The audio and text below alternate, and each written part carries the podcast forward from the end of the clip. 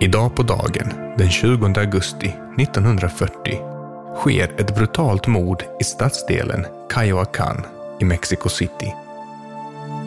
Gärningsmannen Ramon Mercader är agent för den sovjetiska hemliga polisen NKVD och kommer att avtjäna två decennier i mexikanskt fängelse för mordet.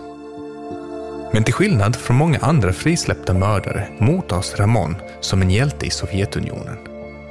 I sin frånvaro tilldelas han Leninorden av Stalin och utses till Sovjetunionens hjälte. Offret som Ramon Mercader slog ihjäl med en ishacka för exakt 75 år sedan är nämligen ingen mindre än Leonid Trotskij. Under ett år hade den blivande mördaren närmat sig sitt offer för att vinna dennes tillit och därigenom få tillträde till honom. Detta var dock inte det första attentatet mot Trotskij. NKVD hade under ledning av Lavrent Siberia, som vi gjort ett kort avsnitt om den 26 juni, försökt mörda Trotskij två gånger tidigare. Första gången 1939 samt bara några månader innan det lyckade mordet, närmare bestämt i maj 1940. Då genomfördes en räd mot Trotskijs bostad, men där dennes skyddsvakter lyckades slå tillbaka ett team som hade skickats för att genomföra mordet. Leonid Trotskij föds som Lev Davidovich Bronstein den 7 november 1879. Han är en duktig elev och börjar i tonåren att umgås inom radikala och revolutionära kretsar. Här träffar han sin första fru Alexandra som blir hans väg in i den marxistiska rörelsen.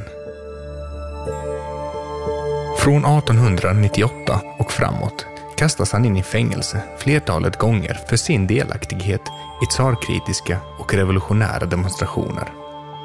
Han och hustrun förvisas till Sibirien, men Lev, som han ännu är känd som, tröttnar, skaffar sig ett falskt pass under namnet Leonid Trotskij och beger sig till London. Där träffar han Lenin och blir skribent i dennes tidning. Det nya seklet ser ett oroligt Ryssland. Befolkningen är trötta på det despotiska tsarväldet och marxisterna växer tills rörelsen splittras i två delar. De reformvänliga mansjevikerna och de mer radikala bolsjevikerna. Skälet att du som lyssnar på detta är mer bekant med bolsjevikerna är att dessa har gått segrande ur kampen mellan de båda. Trotskij återvänder till Ryssland tillsammans med Lenin, blir en aktiv talare och uppskattad av sin omgivning. Han fungerar som en slags stoppkloss inom rörelsen då Trotskij är kritisk till de radikala inslag som finns inom den bolsjevikiska falangen, men rätar ändå in sig i ledet. Han blir så småningom den näst mäktigaste personen inom bolsjevikerna, efter Vladimir Lenin. I början av 20-talet drabbas Lenin av en stroke och det står klart att ledarens liv närmar sig slutet. Det är nu maktkampen med Stalin uppstår. Lenin varnar för Stalin och stödjer Trotskij som sin efterträdare. Stalin blir rasande och börjar en aggressiv smutskastningskampanj.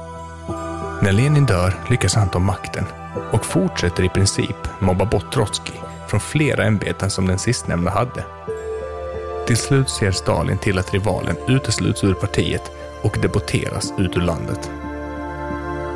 Efter en tid i Turkiet, Frankrike och Norge hamnar Trotskij i Mexiko. Under hela exilen använder han pennan som ett vapen och skriver Stalinkritiska texter. Bland annat för den icke-aggressionspakt som slutit med Nazityskland. Trotskij är dock ingen naiv man och är säker på att Stalin kommer att komma efter honom. Idag på dagen för 75 år sedan lyckades den sovjetiske diktatorn röja undan rivalen och utkräva sin hämnd.